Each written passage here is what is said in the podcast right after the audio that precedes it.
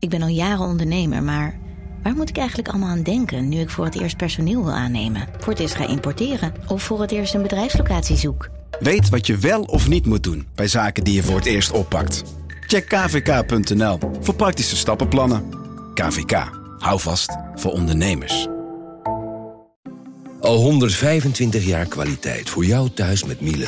Dat vieren we met jou. Ontvang nu tijdelijk een cashback tot 125 euro op veel Miele-apparatuur. Geniet van de kwaliteit van Miele. Voor perfect verzorgd wasgoed en kleding die veel langer mooi blijft. Voor een stralend schone vaat, even perfect als jouw diners. En een stofvrij thuis waarin echt hygiënisch schoon de standaard is. Check miele.nl voor alle feestelijke aanbiedingen.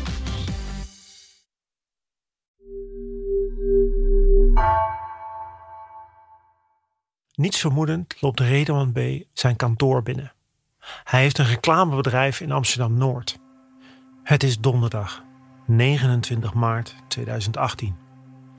De week daarvoor is bekend geworden dat zijn jongere broertje Nabil een deal heeft gesloten met het Openbaar Ministerie.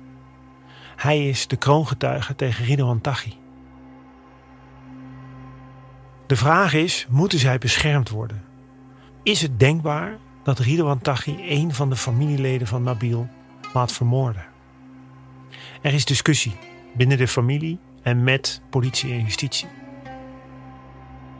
Wat Redewand niet kan vermoeden, is dat er intussen al iemand is opgetrommeld. Iemand die hem moet vermoorden. De schutter zit die ochtend in een zwarte Seat te wachten voor zijn kantoor. Als de schutter Redewand met een kopje koffie in de hand langs de receptie ziet lopen naar zijn kantoor op de eerste verdieping, loopt hij achter hem aan. Op de trap vuurt hij drie kogels af. Redouan B. sterft ter plekke. Beginnen vanavond uiteraard met de schokkende moorden afgelopen donderdag op de onschuldige Redwan B. En u weet het, het slachtoffer was de broer van een nieuwe kroongetuige van het Openbaar Ministerie. En die moord lijkt een vergelding voor dat praten. Amper een week na het nieuws dat een crimineel afkomstig uit Marokkaanse onderwereldkringen besloten heeft kroongetuige te worden, wordt hij hier keihard voor afgestraft.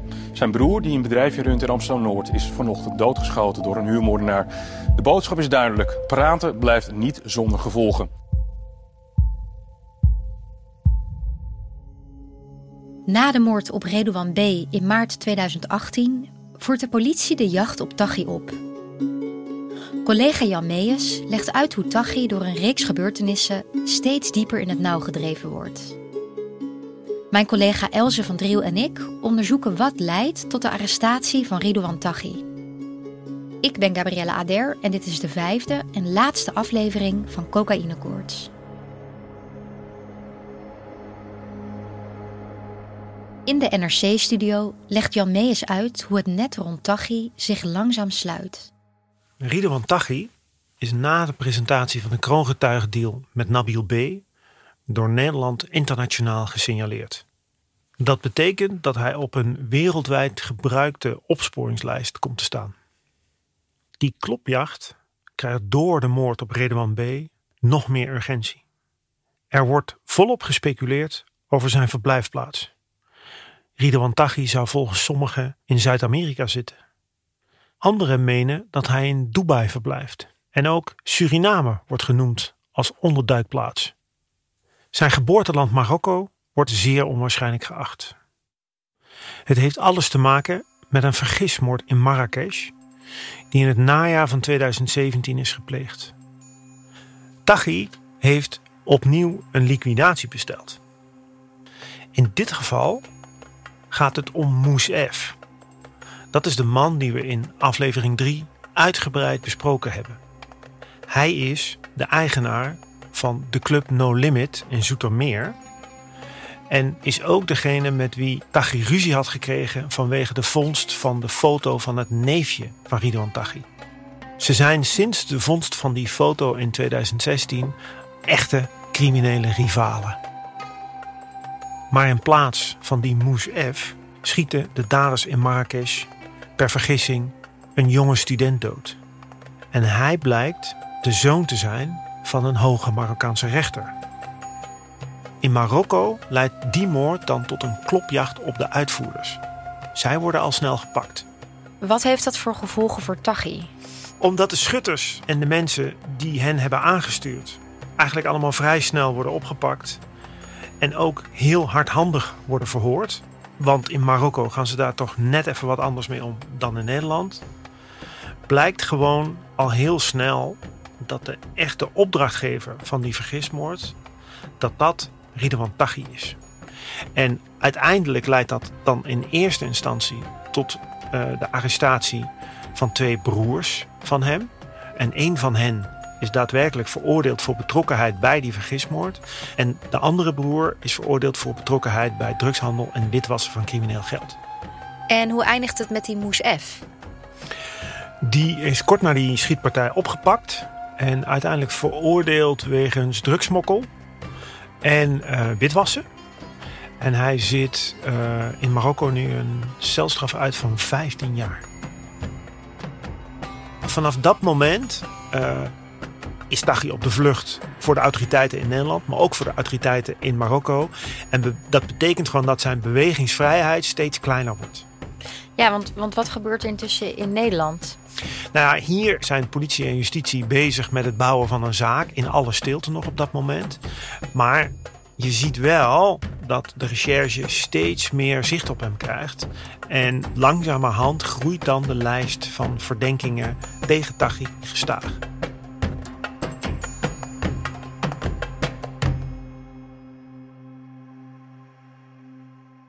Hoe vindt de politie die puzzelstukjes dan? Om dat goed te begrijpen, moeten we eigenlijk heel even terug naar 2015. Naar de zaak 26 Koper. Dat is het onderzoek waarbij een grote hoeveelheid wapens is gevonden in een opslagloods in Nieuwegein. Het zijn wapens die volgens het Openbaar Ministerie waren bedoeld voor liquidaties en werden gebruikt door een groep die werd aangestuurd door Ridwan Taghi. Naast die grote hoeveelheid wapens worden er in Nieuwegein ook tientallen zogeheten PGP-telefoons gevonden. PGP staat voor Pretty Good Privacy.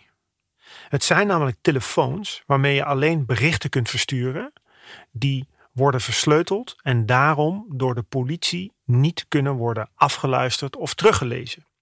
En het bedrijf Enetcom beheert dit systeem.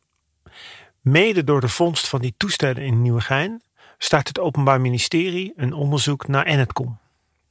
Voor dat onderzoek vraagt het Nederlandse Openbaar Ministerie hulp aan de collega's in Canada, waar de servers van Enetcom staan. In april van 2016 worden deze computerservers in beslag genomen door de Canadezen naar aanleiding van dat verzoek. En er blijken miljoenen berichten op te staan.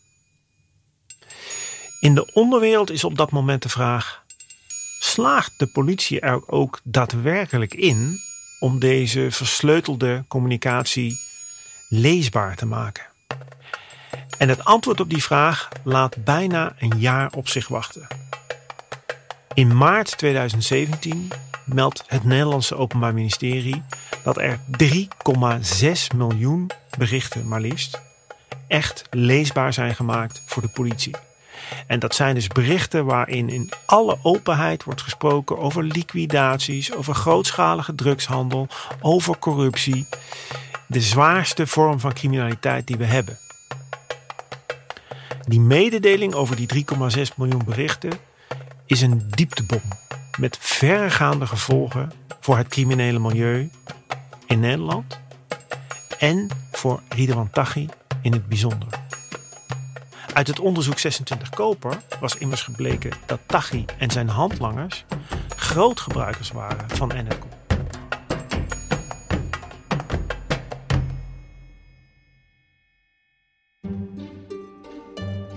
Hoe werkt zo'n PGP-telefoon? Hoe ziet die eruit? Paul van de Meulenbroeken is een advocaat en laat me zien hoe het werkt.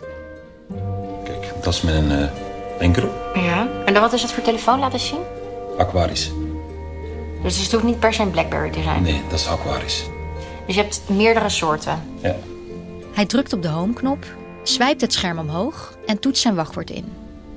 To start Android, enter your password. Je moet nu een werkwoord invoegen, wat de politie ook moet doen om in toestel te geraken. Dus bij mij is dat... Niet zeggen, Ja, nu nu zit ik erin, maar nu moet ik mijn tweede code nodig. want anders krijg je die berichten niet binnen. Nee. Hup, nu ga ik erin. Voilà. Het ziet er qua interface uit als al die andere berichten-apps.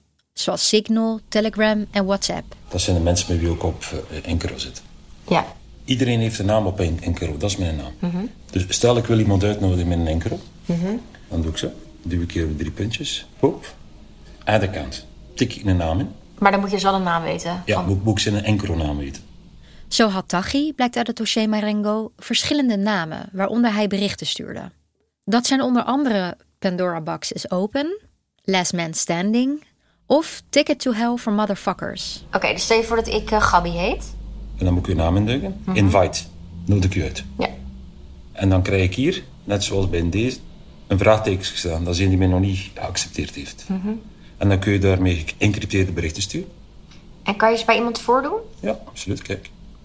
Dag maat, alles oké? Hup, vinkje, je heeft het ontvangen. Nou, de politie vindt berichten over het driemanschap. Dat zijn dus Tachi, Rico de Chileen en Naval F.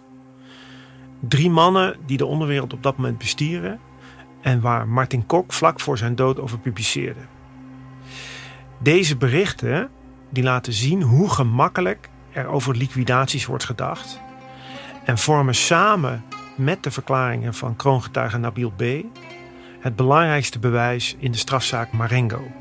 En dat onderzoek ligt eigenlijk in het verlengde van de zaak 26 Koper. De zaak waarbij in Nieuwegein al die wapens en PGP-telefoons zijn gevonden. In 26 Koper is Ridwan Taghi uiteindelijk niet vervolgd. Maar in Marengo gaat het echt om hem. Hij is de hoofdverdachte in die zaak en staat terecht voor zes moorden een serie pogingen daartoe en voorbereidingen daarvan.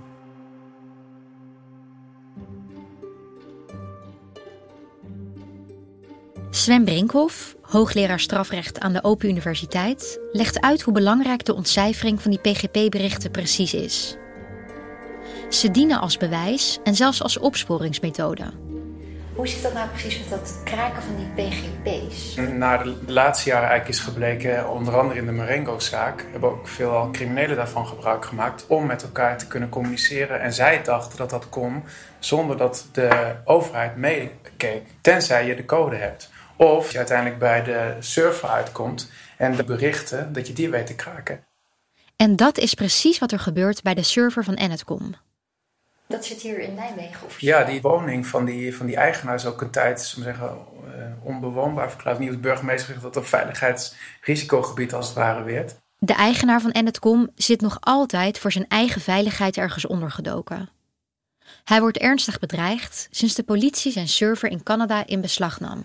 Ook daar is de politie nooit heel duidelijk over geweest hoe dat dan is gelukt. En heb je een vermoeden hoe dat gegaan kan zijn? Jawel, er is wel iets over bekend dat dat via een rechtshulpverzoek aan Canada is gegaan. En ze hebben gevraagd van nou, we hebben het vermoeden dat er op die server hè, criminele informatie staat. Wij willen dat als Nederland hebben in een lopende strafzaak. En toen is eh, die toestemming gekomen. De Nederlandse politie krijgt dus dankzij de Canadese justitie de server in handen. In april 2016 lukt het om het wachtwoord van de hoofdserver te achterhalen. Daarmee heeft de politie toegang tot miljoenen berichten. De politie wil niet zeggen of ze het wachtwoord heeft weten te kraken of dat ze het van de eigenaar of van een medewerker van Enetcom heeft gekregen. En toen hebben ze dus eh, heel veel data binnengekregen. En die speelt in de, in de Marengo-zaak een grote rol. Omdat daar dus heel veel eh, ja, communicatie is veiliggesteld. Het gaat echt om miljoenen berichten die de politie nu in handen heeft. En waar nu steeds meer naar buiten komt. En die eh, ja, belastend is voor velen.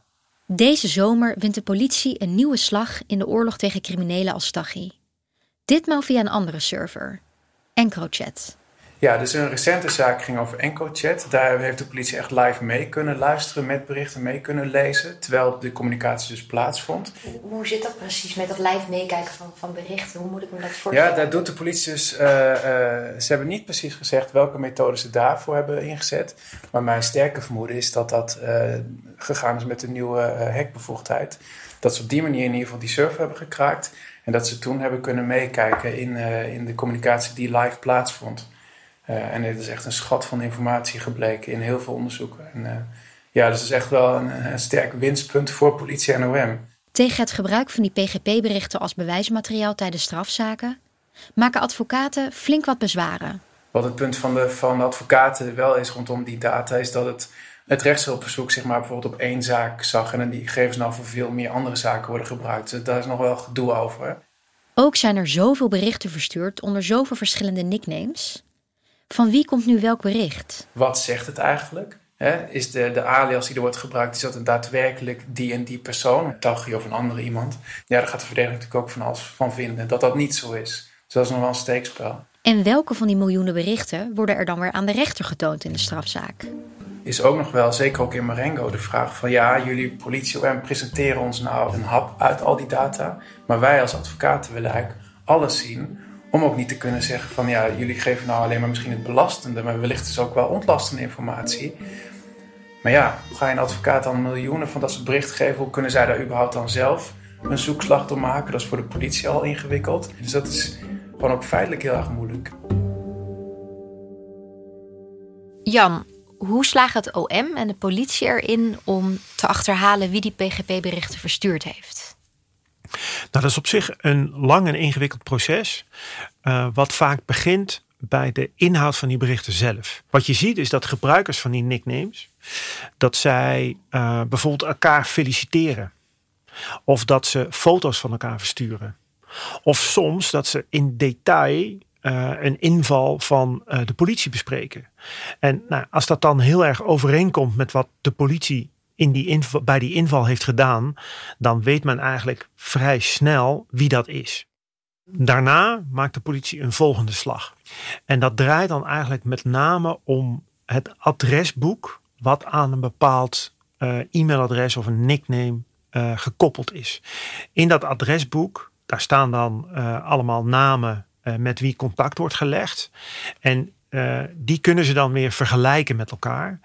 En dan zie je bijvoorbeeld dat soms een aantal vrienden of familieleden in, onder dezelfde bijnaam in de adresboeken van verschillende gebruikers worden genoemd. En zo probeert de politie dan een soort van relatienetwerk te bouwen. Uh, en dat kan ook weer helpen bij het identificeren van wie wie is in die dialogen.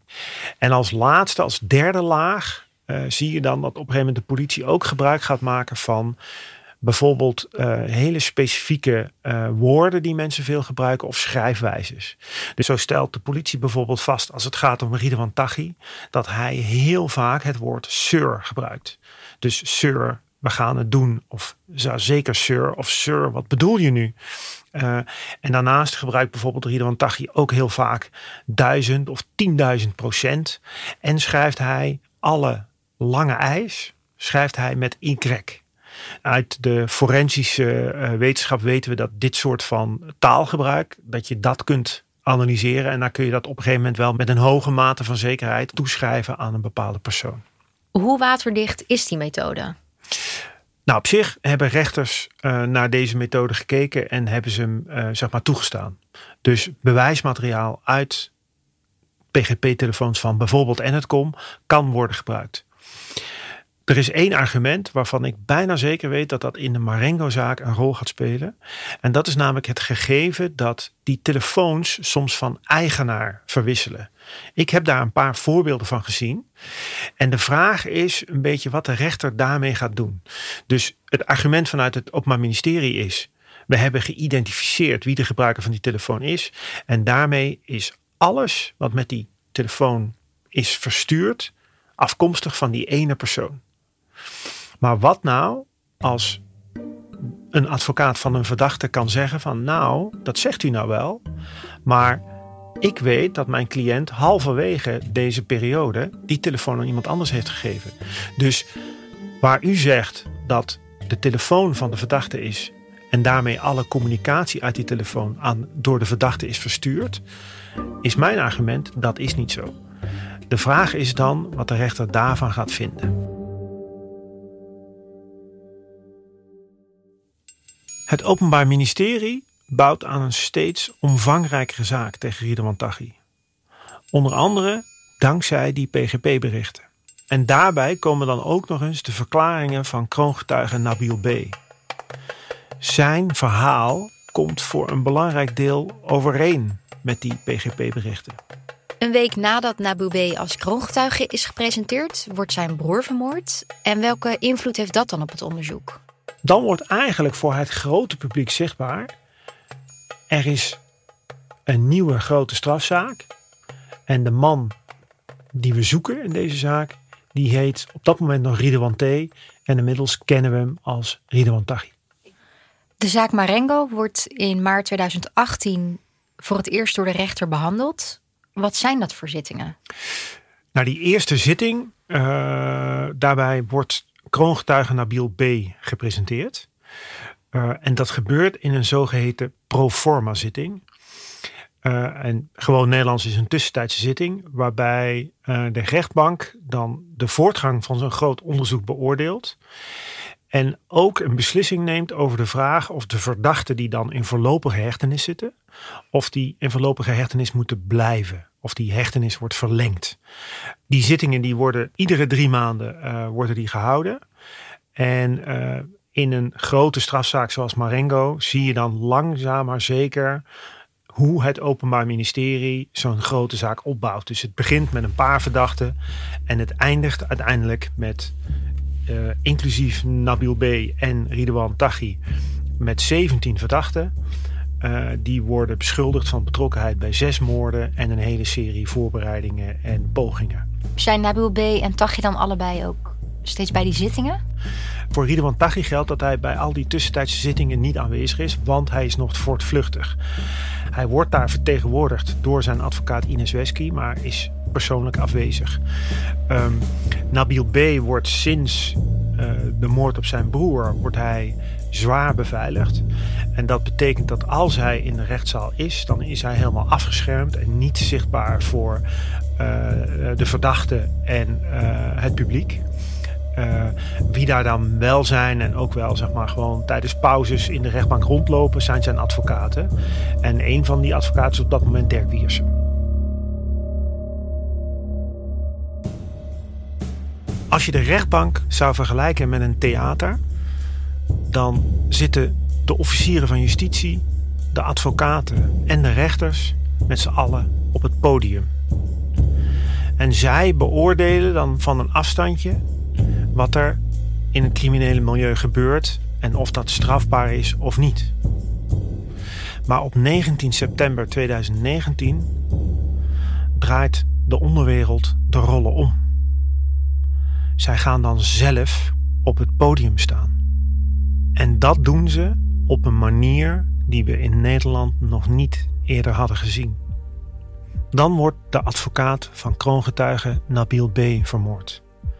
Zijn naam is Dirk Wiersen. Goedenavond, dit is Nieuwsuur. Voor het eerst lijkt een advocaat vermoord vanwege de kroongetuigen die hij bijstond. Minister Grapperhaus reageert geschokt. Dit is een aanslag op onze rechtsstaat. En dat is een grens die de georganiseerde misdaad is overgegaan. Maar die woede, die moeten wij omzetten, ik zeker, in juiste, rationele daden. En ik zal heb vandaag al ingesteld een specialistisch team van het Openbaar Ministerie en Politie voor de verdere intensivering van die beveiliging. Ridwan Taghi staat op dat moment de internationale opsporingslijst van Europol. Maar in de hoop hem toch snel te kunnen pakken, wordt de prijs die op zijn hoofd staat verhoogd tot 100.000 euro.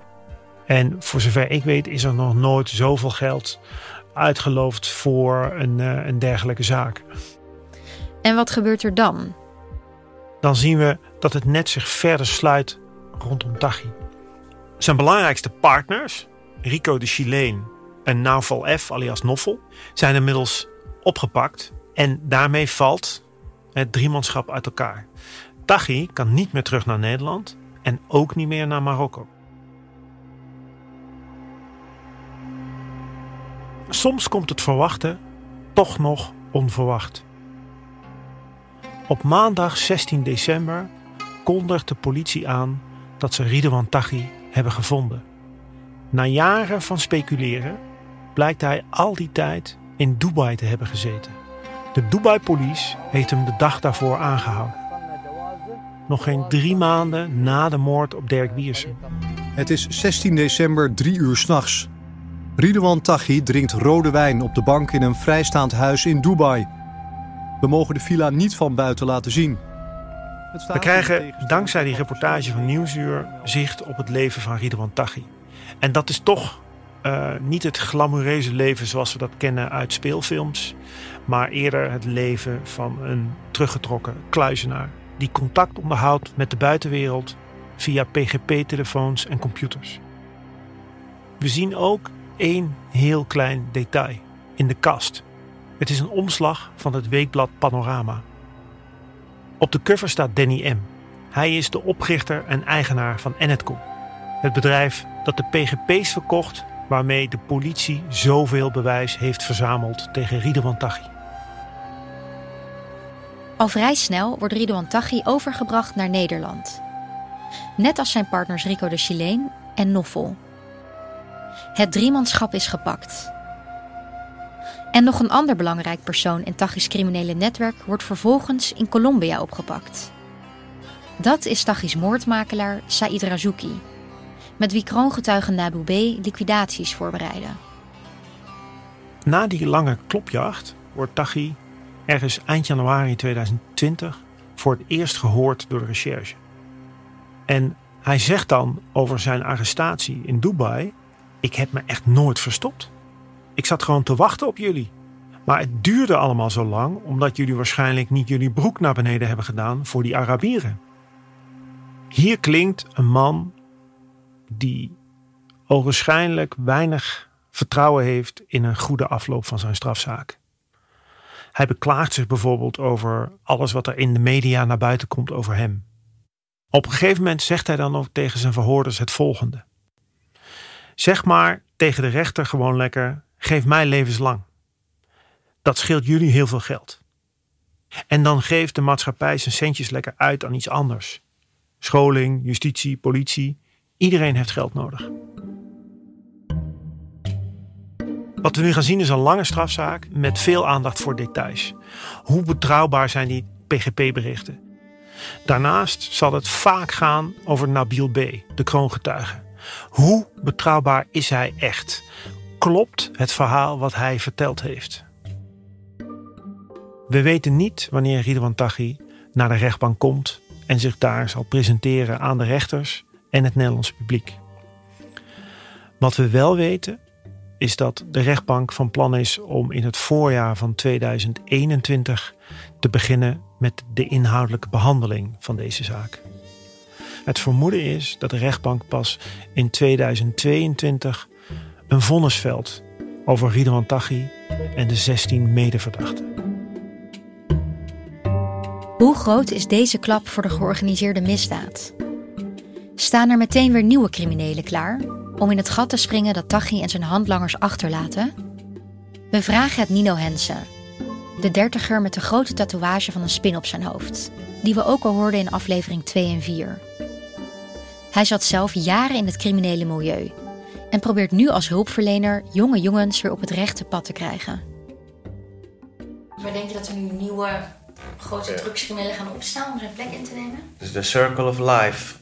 Als een jonge leeuw manen krijgt, dan gaat hij de strijd aan met de oude leeuw.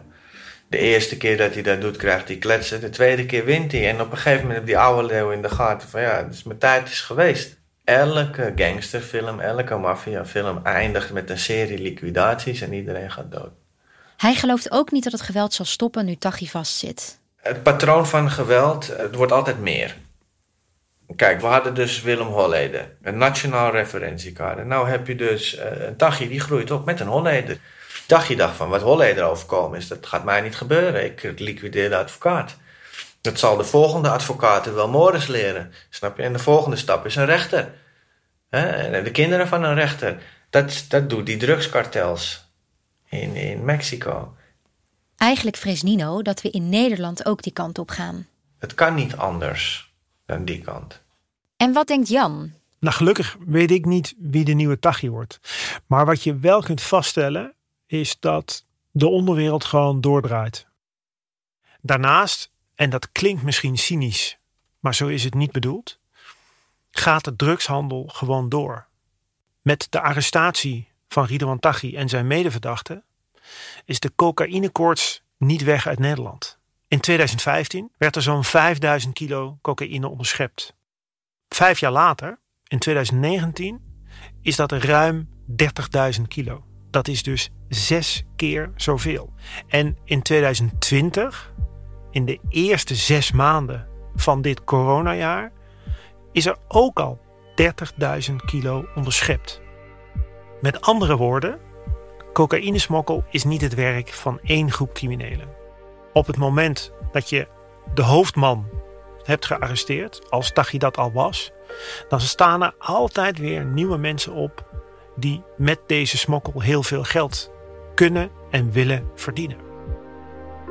Daarnaast is er dit jaar een nieuw groot politieonderzoek. En wat opvalt is dat zeer ervaren opsporingsambtenaren zeggen: Ik ben geschokt door de hoeveelheid drugs die ik voorbij zie komen. Het laat alleen maar zien dat de drugseconomie in Nederland groot is en groeiend is. Die zal niet verdwijnen omdat het Openbaar Ministerie erin slaagt Riedeman Taghi veroordeeld te krijgen voor de feiten waarvan hij wordt verdacht.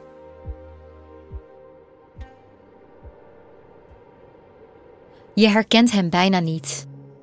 Een bleke man met verwilderde krullen en een halflange baard met grijze plukken erin.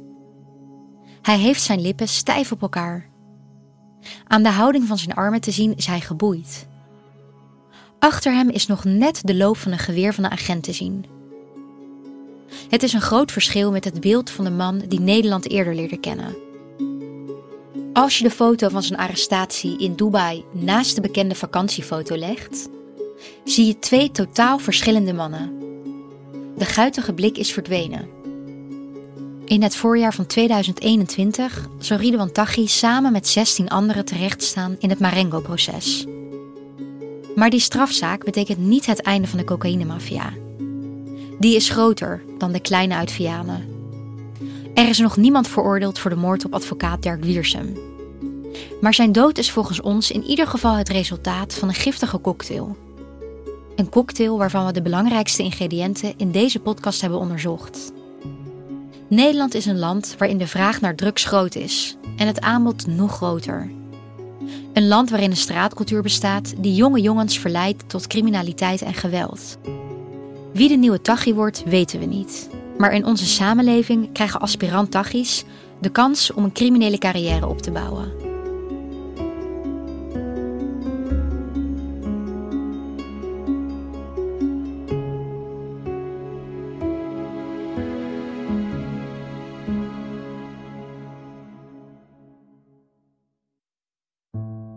Dit was de laatste aflevering van Cocaïne Koorts. Een podcast van NRC.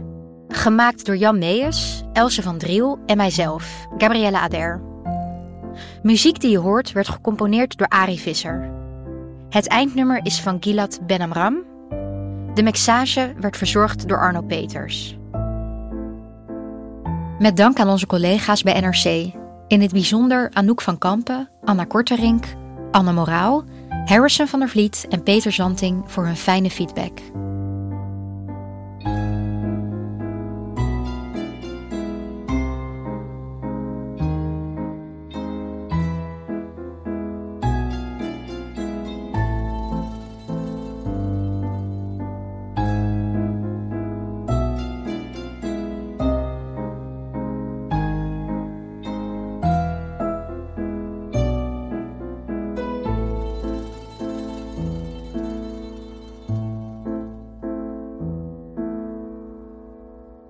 De inhoud van deze podcast is gebaseerd op een serie gesprekken met betrokkenen die waar mogelijk met naam en toenaam worden genoemd. Los daarvan doet NRC al sinds de start verslag van de strafzaak Marengo.